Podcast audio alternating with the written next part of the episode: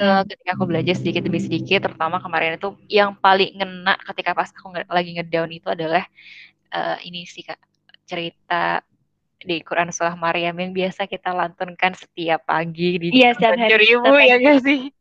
Itu yang nah, aku aku sangat bersyukur banget sama terima kasih Pak CEO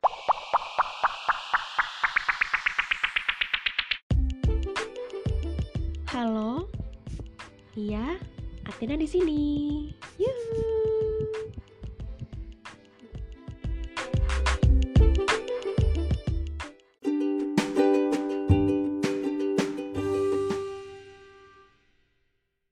Halo, assalamualaikum warahmatullahi wabarakatuh. Waalaikumsalam warahmatullahi wabarakatuh. Seperti yang kalian ketahui dari judul podcast ini, di sini Atina bersama founder atau CEO dari Cara Bahagia. Siapa siapa lagi lah bukan the one and only Mbak Siva Fadila. Halo Mbak Siva. Halo. Kak. Aduh aku agak shock nih aku dipanggil kayak gitu nih. iya kan? Jadi Mbak Siva ini adalah CEO dari Cara Bahagia Podcast. Jadi kalian bisa mantengin di sana. Di sana banyak banget inspirasi-inspirasi dan motivasi-motivasi untuk kalian-kalian anak muda yang ingin berproses untuk menjadi diri yang lebih baik lagi. Itu kan tujuannya Mbak Siva? Iya, berusaha kayak gitu sih, niatannya kayak gitu. Amin ya Allah. Aku malu tau Sif, langsung ber ngajakin collab sama CEO cara bahagia podcast gitu. Ah, jangan CEO kak, ya ampun. Uh, podcaster aja deh podcaster. Oke okay, terserah pak deh. nah mungkin, nah langsung aja kali ya. Tema hari ini, tema kali ini dalam podcast ini adalah yaitu tentang doa. Jadi kenapa sih kita udah berdoa banyak tapi enggak dikabul-kabulkan gitu sama Allah. Nah mungkin mungkin dari berapa listener listener lagi ya pendengar dari kita yang hari ini sedang dalam penantian jawaban akan doa-doa yang dipanjatkan kepada Allah misalkan mungkin banyak dari kita yang sedang menunggu mungkin banyak dari kita yang sedang berharap mungkin banyak dari kita yang sedang menanti-nanti atau sedang berserah diri atas semua gelisah, gulana, galau kepada Allah. Nah, dari teman-teman udah pada tahu kan semua kenapa kita harus berdoa. Nah, dari Mbak Siva sendiri gimana nih cara tips-tips dari Mbak Siva seorang Siva atas semua ini yang pernah terjadi dalam hidup Mbak Siva. Monggo. Kak sebelumnya aku mau nanya gak sih sama yang punya podcast ini? Kenapa, kenapa? Jadi guys, buat listeners yang ada di luar sana gitu ya, uh, yeah. ya kayak ngasih tema ini tema ini tuh sebenarnya ke Atina dan dan aku tuh sebenarnya juga agak speechless juga sih kenapa temanya tuh ini gitu. ada latar belakang apa dari ke Atina pribadi? Menunggu proses seperti apa, menunggu doa ya seperti apa? Kok mau ambil tema ini gitu.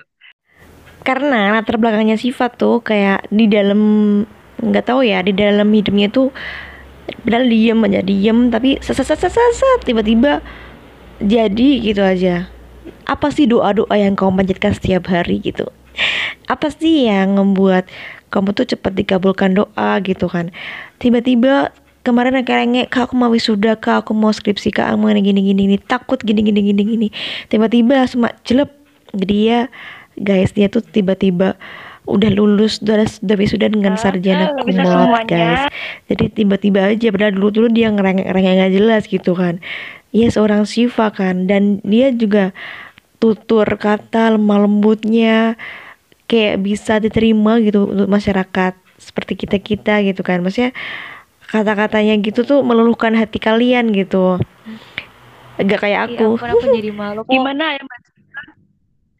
Jadi malu nih. Kak kalau dari Kak Atina sendiri, ih sebenarnya aku masih penasaran tau gak? Kenapa kakak Apa? mengambil podcast eh, yang mengambil tema podcast ini? Apa ya ampun, ada ya pengalaman dari pribadi kakak? Ada lah, kayak gitu, banyak. Gitu, ya pasti semua orang Iya apalagi kita-kita kan ya. Kita-kita yang masih muda pasti banyak banget idealis, pengen ini, pengen ini, pengen banget, pengennya yang banyak banget. Terus iya kayak idealis banget gitu. Jadi ya mungkin tips-tips dari Siva gimana biar doa itu uh, bisa dikabulkan kepada Allah gitu. Ataukah kita sholatnya kurang benar, ataukah kita kurang yakin? Jika berdoa itu yang kurang yakin banget sama Allah ataukah kita kurang berim kurang uh, beriman banget ataukah kita kurang bersungguh-sungguh atau gimana? Gak tahu bener gak sih Sif? Iya gak sih Sif? Sif? Enggak bener bener bener bener kakak bener bener kalau nggak salah nanti ini aku pati terus gimana Sif? Ya sebenarnya tuh uh, gimana ya kenapa sih doa kita tuh belum dikabulin gitu ya kayak ya? dari mm -mm. kayak gitu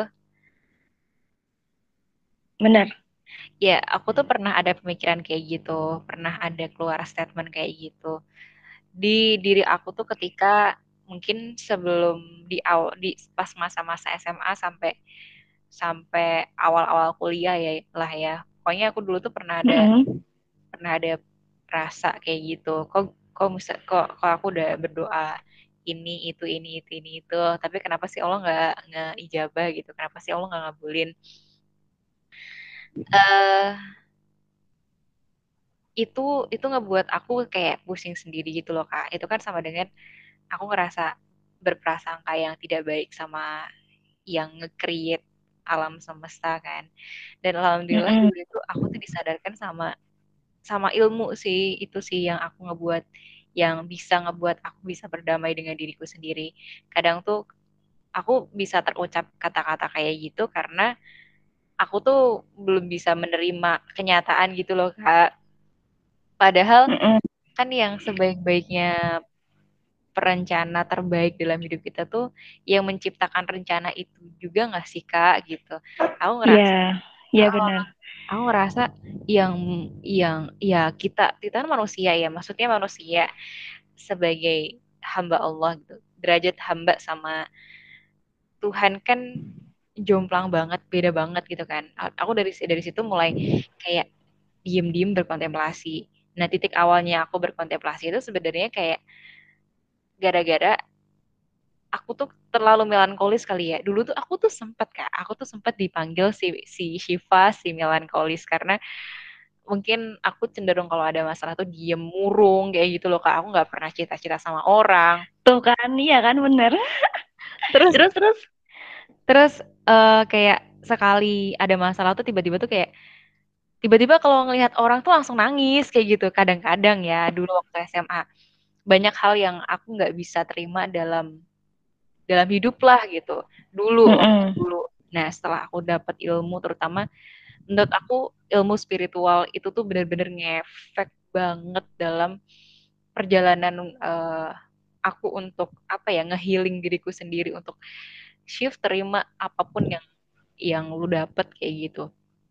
Nah dari situ aku belajar tentang gimana sih kita kita berusaha, terus gimana sih tentang ya aku banyak belajar dari siroh-siroh sih kak jujur ya.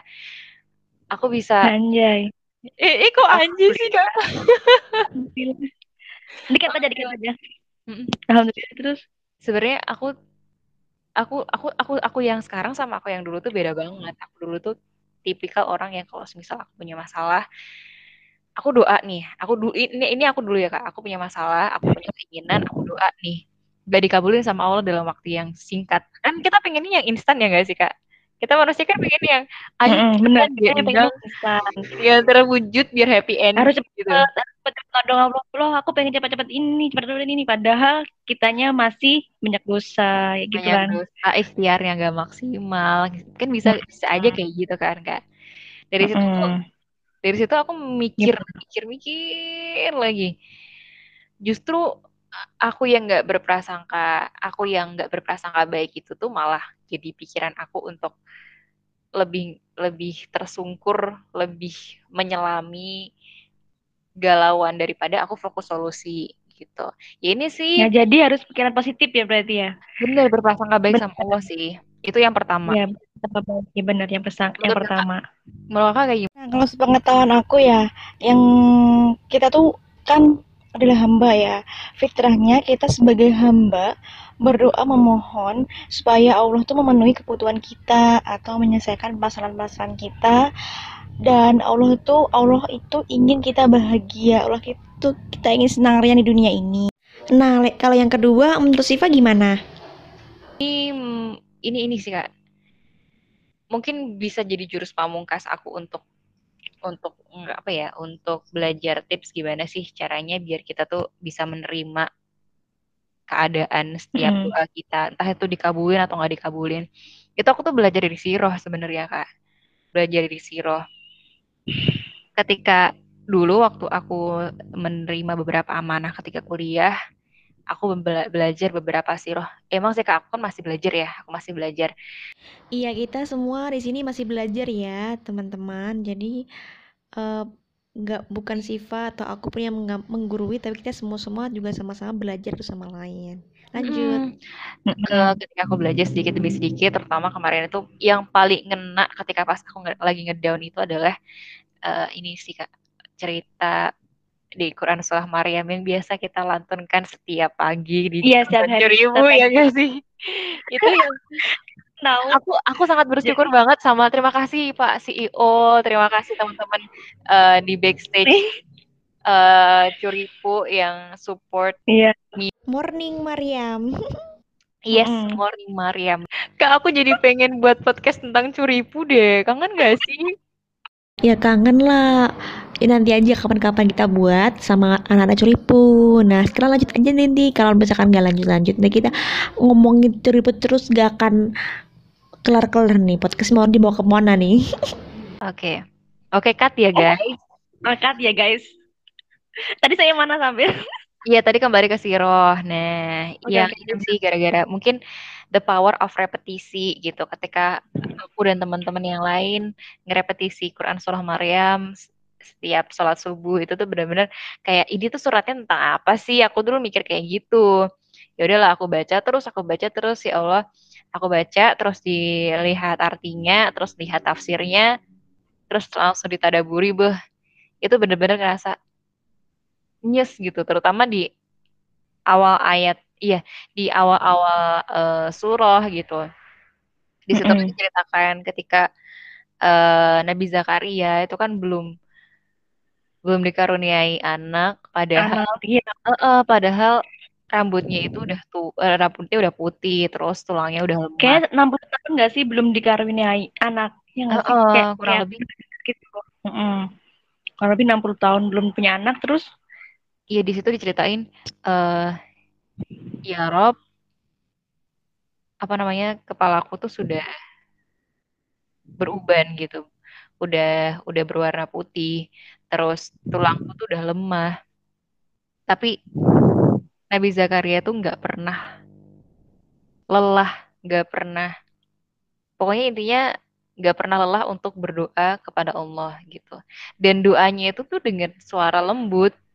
Dan aku tuh aku mikir yeah. Allah, maksudnya the power of iman ya kak pada saat itu. Karena yang namanya keyakinan kan aku percaya ya kak, aku percaya dan aku sebagai muslim harus percaya kalau misal kita hidup di dunia ini itu adalah tempat ujian untuk di kehidupan yang abadi kayak gitu kan.